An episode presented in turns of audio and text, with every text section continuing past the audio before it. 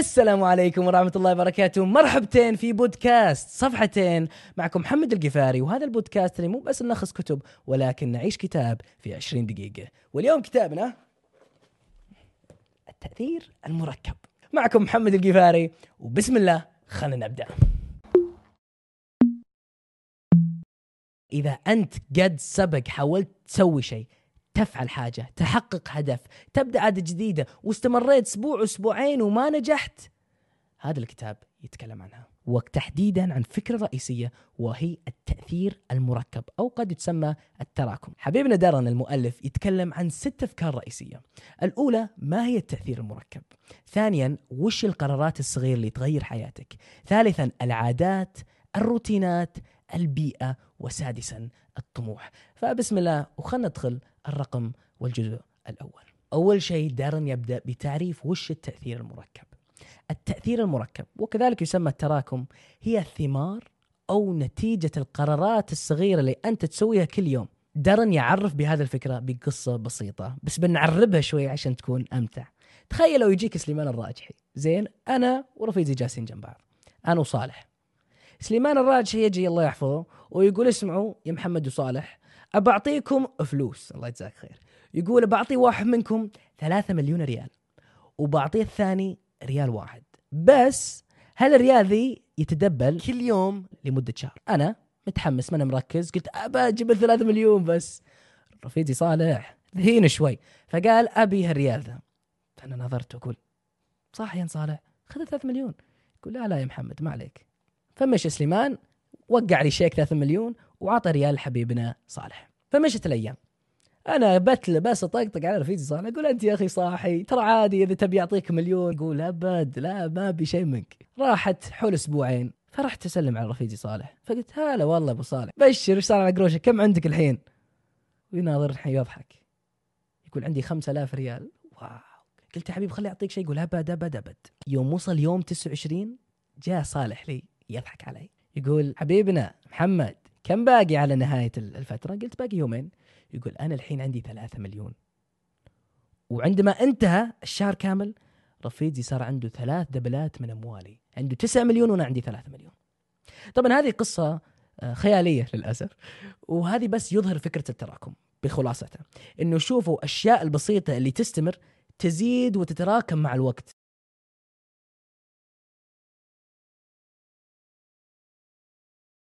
بس السؤال هو أوكي تمام هذه قصة خيالية كويسة بس كيف نقدر نطبق بحياتنا؟ هذه اللي بنتكلم فيه. حياتك حياتك كلها متكونة من قرارات صغيرة أنت تختارها. إنك تقوم من النوم، إنك تروح تطلع الدوام بهالوقت، إنك تتأخر عشر دقائق، إنك تطلع للمسجد عشر دقائق قبل الأذان، كل الأفكار ذي هي قرارات، إذا ودك تتجهها لاتجاه إيجابي أو سلبي، لازم أنت تغير هذه القرارات الصغيرة. يعني مثلا لو أنت قررت إنه عشر أو خمس دقائق باليوم بتتابع أفلام كرتون أو بتتابع شيء يقوي لغتك الإنجليزية بعد سنة بتكون تتحدث لغة إنجليزية. على سبيل المثال هذه قوة التراكم إنه شيء بسيط شوي كل يوم أفضل من كل شيء اليوم. وكذلك حتى في الأشياء السلبية. لو مثلا تقول أنا بصير شخص صحي خلاص وتقول إيه تصدق هالمرة عادي لو آكل لي إيش كيكة بسيطة؟ وبكرة تقول إيش شيء بسيط مرة باليوم off day هذه القرارات السلبية تتراكم تتراكم كذلك. فلازم نلاحظ هذا الشيء ونأخذ المسؤولية على قراراتنا. إذا فهمنا هذا القانون التأثير المركب أو كما يسمى التراكم حنا نقدر نأخذ المسؤولية على قراراتنا. وبعض الناس يقول طيب هذا نفهم الفكرة ذي ونحاول نطبقها بس الواقع ما نشوف نتائج. التأثير المركب تحتاج إلى قوة حد قوة قلب. لازم قلبك حديد لأن هي بالصبر. النتائج مو يوم أو ليلة أو ليلتين لازم بالوقت مثل لو بتروح للنادي النتائج مو بيوم وليلة هي بالاستمرارية والصبر. كذلك لتعلم اللغات هي بالاستمرارية والصبر. أصلا لو تفكر فيها أنت وجودك الحين هي تكوينة قرارات صغيرة كثيرة أخذتها بحياتك. كل شيء عمرك سويته هي اللي وصلتك لموقفك الآن أنك على جوالك أو كمبيوترك تستمع هذا المقطع. لو تفكر بحياتك بتلقى صارت أشياء رئيسية لو ما سويتها كان ما صرت مكانك الآن. فإذا حنا استوعبنا إنه حياتنا متكونة من قرارات صغيرة أحيانا أصلا ما نتذكرها ما نلاحظها فبنفس المعنى إن لو نغير هذه القرارات الصغيرة بالقصد نقدر نوجه حياتنا إلى اتجاه أفضل اللي إحنا نبيه. وبعض الناس قد يقولون هذا كله كلام فاضي. لأنه ما ينفع لك إلا التوكل على الله. خلي أقول لكم شيء يا جماعة الخير. بدون شك أهم شيء هي التوكل على الله سبحانه وتعالى. لأن بدون ما تتوكل على الله كل اللي أنت تسويه ما له فائده لكن بعد ما تتوكل على الله سبحانه وتعالى يجب أنك تفعل الأسباب. وحنا اللي قاعدين نتكلم اليوم فيه هي كيف تفعل الأسباب. فهذه هي الفكرة الأولى. خلينا نروح للفكرة الثانية وهي قراراتنا. إذا حنا قلنا إنه حياتنا مكونه من قرارات طيب كيف نتحكم بقراراتنا؟ هي لازم نعرف شيء. حنا مسؤوليتنا قراراتنا واختياراتنا اليومية. ما نخلي الحياة تختار وش نسوي ونمشي على ما يرام الحياة. لا لازم حنا ناخذ المسؤولية اللي حنا اللي أنا قاعد نسويها. سمعت واحد مرة يتكلم عن لعبة الشطرنج. يقول الشطرنج من الألعاب النادرة لأنه إذا أنت خسرت هي مسؤوليتك بالكامل وما تقدر أي أحد لانها هي مو لعبة حظ ولا واحد بمية الحظ. هي كاملة على قدراتك. فإذا أنت خسرت فيعني أنك أنت أخطأت فنفس الحالة خياراتك خذ مسؤوليته لا تخلي الحياة تختار لك. خذ كامل المسؤولية على علاقاتك. خذ كامل المسؤولية على الأشياء اللي فشلت فيه. قد يكون مشاريع دروس امتحانات. بس يمكن تقول والله أنا فشلت مشروعي لأنه اللي معي كان هو اللي غششني كذب علي. طيب عادي. أنت اخترت أنك تشتغل معه. إذا ما أخذت المسؤولية واعترفت أنك هذا خطأك قد تفعل نفس الأشياء اللي أدتك إنك تشتغل مع نفس هذا الأشكال لكن لو تقول لا أنا مالي دخل يمكن تروح تشتغل مع نفس دول الناس اللي يلعبون عليك خذ المسؤولية حتى عشان تقدر تتعلم منه الفشل مو خطأ الفشل هي الفرصة للتعلم طيب كيف نكون واعيين على قراراتنا؟ كيف نقدر ناخذ المسؤولية وكيف نقدر نتحكم بهذه القرارات؟ طيب سمعنا الكلام لكن واقعيين كيف نطبق؟ يقول دارن ما تقدر تدير اللي ما تقدر تقيس. اختر شيء مهم في حياتك. مثلا حنقول ودك تكون صحي أو ودك تمشي ودك تشرب ماء أو ودك توقف شيء. ايا كان شيء يهمك أنت. عادة ودك تغيره شيء ودك تتجه عليه شيء بيحسن حياتك. وابدأ تقيسها إيش نقصد بقياس حنقول مثلا ودك تزيد قراءة القرآن. ممكن من أول ما نقرأ أي قرآن. فممكن من الأشياء اللي نقدر نقيسه كم عدد الدقائق أقرأ القرآن يوميا؟ أو كم الصفحات؟ أو أو أو حنقول غير القرآن المشي. ودك تزيد مشي. طيب كم دقيقة قاعد تمشي؟ كم خطوة قاعد تمشي؟ قس هذه الأمور ذي. مثلا ودك تتعلم لغة كم دقيقة قاعد تمارس كل يوم؟ إذا بديت تقيسها مو بس إنك تقدر تديرها تقدر تشوف التحسن بالنسبة لك. مثلا المشي أنت ما تمشي ابدا ودك تبدأ تمشي. تقدر تبدأ خمس دقائق وبعد أسبوع يوميا تبدأ تمشي عشر دقائق وبعد شهر 20 دقيقة. تشوف ازدياد هذه. هذه ما تقدر تسويها إلا إذا قست. ما تقدر تأخذ المسؤولية على قراراتك إلا إذا أنت عرفت وش قراراتك بالأصل. بس أقول لكم شيء يا جماعة تدرون وش هو أهم قرار؟ القرار إنك تبدأ. مو بكرة أو بعده. لا لا يجيك لعبة التسويف هذا. يقولون قرد التسويف يجي يوسوس بذانك. لا حبيبي. إذا قررت إنك ودك تحسن حياتك لازم تبدأ الآن. ترى مو بلازم شيء كبير. لو بس تفتح جوالك وتكتب شيء واحد ودك تتحسن فيه. وبتقسه. ابدأ بقياس شيء واحد. مو بلازم تبدأ بأشياء كثيرة وكل شيء بحياتك. لو تبدأ تقيس مهارة أو هدف أو عادة واحدة بتشوف النتائج مع الوقت. وكل ما بكرت بالبداية كل ما أسرع بتشوف النتائج مع الوقت. الفكرة الثالثة اللي يتكلم عنها المؤلف هي العادات. أول شيء وش العادات؟ خلينا نعرفها. العادة هي العمل اليومية الصغيرة اللي تسويها اللي يتراكم إلى شيء أكبر. بتلاحظون أنه تعريف العادة شبيهة للتأثير المركب لأنه العادة جزء منها هي التأثير المركب. لأنه العادة عشان تنجح لازم تستمر فيها. أفضل طريقة أضرب مثال للعادات هي تفريش أسنان. معظم الناس إذا جاوا يفرشون أسنانهم أول شيء تلقائي. العادة من شروطه ان تكون تلقائي. إنه أصلا إذا جيت تفرش ما أنت مركز على السن هذا والسن هذا أصلا اصبح تلقائي. بس نتائجها كذلك ما تجي إلا مع الوقت. يعني مثلا إذا ودك تبدأ تفرش أسنانك عندك مشاكل بسنونك ودك تحسنها بس إذا فرشتها مرة ما تشوف نتائج. هي بالاستمرار بالتفريش اللي بتشوف نتائج. هي هي هذه هي فكرة العادة. معظم الناس وأنا كذلك أحيانا نخلي الحياة تصنع لنا عادات وحنا نمشي عليها. لكن حنا بما أنه الآن اتفقنا أنه قرارات حياتنا حقنا بإيدينا حنا الآن يجب أن نصنع عادات. عشان هذه العادات تشجعنا وتخلينا نستمر على تحسين حياتنا. أول شيء لازم نفهم فكرة العادات تحت التأثير المركب اللي تو شرحناها. إنه التأثير المركب هي التراكم. هي إنه لو تسوي شوي كل يوم النتيجة إنه يكون شيء أكبر. العادة هي من قوائم الرئيسية لهذا هذا أول شيء لازم نفهمها إن العادات يؤدي إلى التراكم. ثاني شيء لازم يكون عندنا سبب مقنع لبداية هذه العادة. يعني مثلا قبل شوي ضربنا مثال المشي قد تكون أنت ليش ودك تمشي؟ ممكن عشان يكون صحتك أفضل. ممكن إنك ودك تكون أكثر رياضيا. إذا كان عندك سبب مقنع ليش ودك تبدأ بهذه العادة بيكون عندك شعلة داخلية للاستمرارية. كذلك السبب الثالث يجب أن يكون عندك أهداف واضحة مثل النجوم لليش ودك تبدأ بهذه العادة. مثلا أنت ليش ودك تبدأ تمشي؟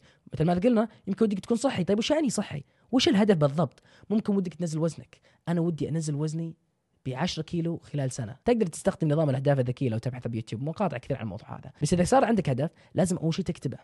الهدف اللي لا يكتب لا يتم.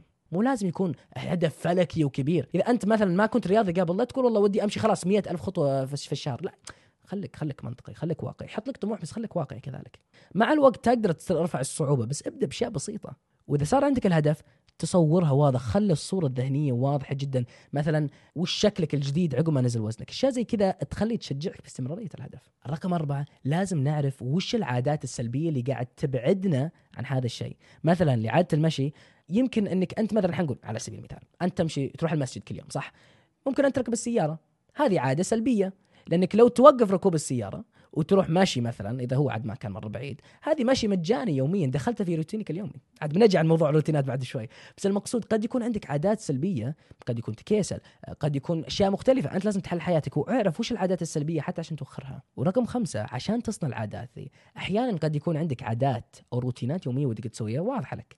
واحيانا العادات تجي مع الوقت لوصول الهدف. خليني أوضح وش أنا أقصد. إذا أنت ودك تمشي كل يوم حنقول 5000 خطوة أنت في البداية قد تقول طيب العادة حقتي إنه بعد العصر بطلع أمشي وبعد المغرب بطلع أمشي مثلا 10 دقائق و10 دقائق عشان أوصل هدفي مثلا. قد تلاحظ مع الوقت هذه مو بسهل مرة صعب عليك. فأنت مع المحاولة للوصول لهدفك بتلقى طرق أو روتينات أو طرق مختلفة لممارسة هذا الهدف تصنع عاده لك أريح لك. فهي مو بس أول ما تبدأ تحطه وما تغير لا العادة قد تتغير مع الوقت لشيء أسهل لك. بندخل الفكرة الرابعة وهي الصمل أو الاستمرارية. أساس التراكم. هي الصمل والاستمرارية. لأنه أصلا التراكم هو مو على طول تكون واو فنان. التراكم إنك تسوي أشياء صغيرة وحبة حبة تتحسن. فكيف بتشوف النتائج إذا ما استمريت؟ واستمرت؟ بس أقول لكم شيء يا جماعة إنك أنت تاخذ المسؤولية على قراراتك وإنك تصنع العادات ترى مو سهلة ابدا. ما حد قال إنها سهلة. وبتلقى إنه أحيانا مو أحيانا كثير من الوقت بتواجه مثل حاجز بتتكيسل آه، ممكن تتحطم وهذا طبيعي. بالعكس هذا المفترض. أنت الحين تحاول تعد هذه الحواجز. وعشان تعدها لازم إن يكون مو بس عندك استمرارية بس لازم إنك ما تتوقف. لأنه إذا أنت كل يوم قاعد تتحسن شوي غير إنك بتشوف نتائج أسرع ولكن أنت بتحس بحماس بتحس بتشوف النتائج. شوف أنا أمس كنت أمشي 5000 خطوة والأسبوع ذا أمشي 6000 خطوة والأسبوع الجاي 10000 خطوة. بتشوف النتائج وبتستمر وبتستمر وبتكمل. لكن لو مثلا أسبوع تكسلت ووقفت قد تحصل قد تقل حماسه شوي. ما عندك مشكلة لو فوتت يوم. ما بيعني زين بس مشي الحال. بس حاول لا تفوت يومين ورا بعض. لأن هنا تبدأ التراكم السلبي. وش السر للاستمرارية؟ هذا الصراحة. يعني حنكون صريحين يا جماعة الخير. طيب هذا كله كلام يعني جميل إنه استمرارية والصمل و... بس بس كيف نقدر نستمر؟ أفضل طريقة للاستمرارية للعادات هي الروتين. هي الروتين هي الجدول هي التقويم. كل الكلمات هذولي نفس المعنى. هي أن يكون وقتك واضح. أنا لا أقصد انه نظم وقتك من كل دقيقة. ما أقصد ترسل إيلون موسك الساعة 9 و9 و10 و9 ونص بسوي كذا والساعة 10 كذا والساعة إيه ودك عاد براحتك بس هذه مو سهلة لكل الناس. لا أنا أقصد أن يكون عندك بس الجدول لروتيناتك. وتقدر كيف تبدأ بالروتينات؟ طريقة كويسة وبسيطة أن يكون روتينك واضح للقومة والنومة. متى تقوم ومتى تنام. هذه الحالة لو وضحتها بتشوف إنه غير إنه نفسيتك بتكون أفضل بشكل عام غير عن كل اللي نتكلم عنه نفسيتك بتحسن. بس أسهل إنك تستمر بالعادات لأنه تحس وقتك واضح بعقلك. فيكون عندك روتين مثلا حنقول ودك تمشي. كل يوم الساعة 4 أبى أطلع أمشي 10 دقائق. كل يوم بعد صلاة المغرب إذا طلعت من المسجد أبى أروح بمشي. كل يوم بعد صلاة الفجر أجلس بقرأ صفحة من القرآن. كل يوم أسوي كذا وكذا الساعة الوقت الفلانية أو بالوقت الفلانية. إذا صارت جدول إذا صرت تعرف متى بتمارس العادة صارت اسهل عليك. ودك تمارس اللغة الإنجليزية كل يوم الساعة 6 المغرب بفرح بفتح اليوتيوب وبتابع مقطع بسيط. إذا صار لك روتين وجدول يومي كل ما أسرعت عليك. طبعا إذا ودك توصل مستوى أعلى وتحط جدول يومي هذا موضوع ثاني. هذا أكيد إنه أفضل بس مو كل الناس أصلا ودهم يسوون هذا الشيء. ولازم أيضا نذكر شيء إنه أحيانا بتكسر الروتين وهذا طبيعي. الروتين ما صنعت عشان لا يكسر هي ليست قانون بل هي شيء ينظم حياتك ويسهل لك الاستمرارية. أنا بضرب لكم مثال اللي أنا أسويه. كل يوم قبل ما أنام أحاول أقرأ عشر دقائق كتاب. سواء كان كان بالجوال أو سواء كان كتاب ورقي. عشر دقائق قبل ما أنام أفتح كتاب وأقرأ. شوف كيف سهلت على العادة لأنه أصبحت لا مكان في جدولي اليومي. الآن نروح للرقم خمسة وهي البيئة. وهذه أهم شيء بدون شك. لو ما أخذت من الكلام هذا كله إلا الفكرة هذه رقم خمسة فكرة البيئة فإن هي كافية لك. التغيير لحاله صعب وهي ليست محطة بل إنها طريق. التغيير جدا جدا صعب. فغير انك أنت أصلا ماخذ من هالطريقه الصعب. تخيل لو كان في ناس حولك يقولون لا ما تقدر مستحيل ما له فايدة. ناس سلبيين ناس ما يشجعونك هذا الشيء بتكون أصعب. فإذا كان عندك بيئة مشجعة بيئة إيجابية بيئة يفعلون مثل ما تفعلون صارت أسهل عليك. طبعا بعض الناس يقول طيب صعب أطلع من بيئتي. قد يكون أهلي. كيف يعني؟ تبي اترك أهلي؟ لا لا لا حبيبي أنا ما أقول كذا. لكن البيئة أحيانا قد يكون إذا ما تقدر توخر ناس سلبيين ضف ناس إيجابيين. وزيادة عن كذا البيئة لا يعني بس الناس اللي حولك. البيئة كذلك يقصد أشياء اللي, اللي يدخل عقلك. قد يكون مقاطع اليوتيوب قد يكون الأشياء اللي تقراها قد يكون الاشياء اللي تسمعها. في بحث علمي يقول إنه الخمس أشخاص اللي أقرب لك واللي تحك فيهم يوميا هم اللي يشكلون أفكارك والاشياء اللي تحبه وهالمثل العربي المشهور قل لي بمن تصاحب وأقول لك من أنت. فبيئتك بيئتك مهمة جدا جدا. مثال جدا لطيف. لو أنت عندك حديقة جميلة وخضراء ما أنت براحة وتحط زبايل فيها؟ فأنت خل عقلك مثل الحديقة. لا تحط زبايل فيه لا تستمع للأشياء. هي مو شرط سلبية ولكن لا تستمع للأشياء الشينة اللي غير مفيدة. تافهة ممكن نوعا ما. لا تمليها فيها. أحيانا أوكي ما تقدر تتحكم كامل باللي وش اللي يدخل بعقلك وش اللي تسمعه. لكن أنا أقصد مفروض أغلب بما يدخل عقلك يكون أشياء مفيدة أو إيجابية أو أشياء يشجعك للاستمرارية. في كلمة أبوي دائما يحب يقولها إذا ودك تصير رجل عقاري ما يصلح تجلس مع حقين سوق الحمام لأنه حقين سوق الحمام يفكرون مثل حقين سوق الحمام. مثل ما أنه الدكاترة يفكرون مثل الدكاترة ومثل اللي يشتغلون في البنوك يفكرون مثل اللي يشتغلون بنوك إذا ودك تكون شيء لازم تكون من نفس أهل هؤلاء البيئة. بس لا تنسون إنه أحيانا قد ما تستمرون أحيانا قد تخطي أحيانا قد تروح يوم. هذه طبيعي يا جماعة. في النهاية حنا بشر يا جماعة الخير. بس كل ما حاولنا وحطينا الفكرة ببالنا إنه ودنا نكون أفضل مما كنا أمس كل ما نقدر نقدم فائدة للعالم وكل ما نقدر نكون أحسن نسخ من أنفسنا. خلي أقول لكم شيء واحد يا جماعة قبل ما امشي بعضكم قاعد يشوف الحلقة هذه يستمتع يقول ما شاء الله كلام سليم. بس يسكر الجوال يروح ينام. بس يا جماعة الخير أنا بقول لك شيء. إذا أنت حقيقة ودك تغير حياتك إذا أنت تشعر إن مكانك مفروض أعلى إنك ودك تحقق أشياء في حياتك خلي يعطيك نصيحة. لا تخلي التسويف يلعب فيك. التسويف تراه مثل الشيطان يوسوس بذانك. عادي نم الحين نشتغل بكرة. بس يا جماعة أبدأ الآن. لو كان شيء بسيط بس ربما إنك بديت فهذه ترى نتيجة كبيرة. ترى البداية هي نص العمل. أبدأ الآن. وشوي كل يوم أفضل من كل شيء اليوم. معكم محمد القفاري في بودكاست صفحتين. إذا أنتم استمتعتوا الله يجزاكم خير. وإذا عندكم أفكار لكتب مستقبلية حطوها في التعليقات. شكرا لكم وفي أمان الله.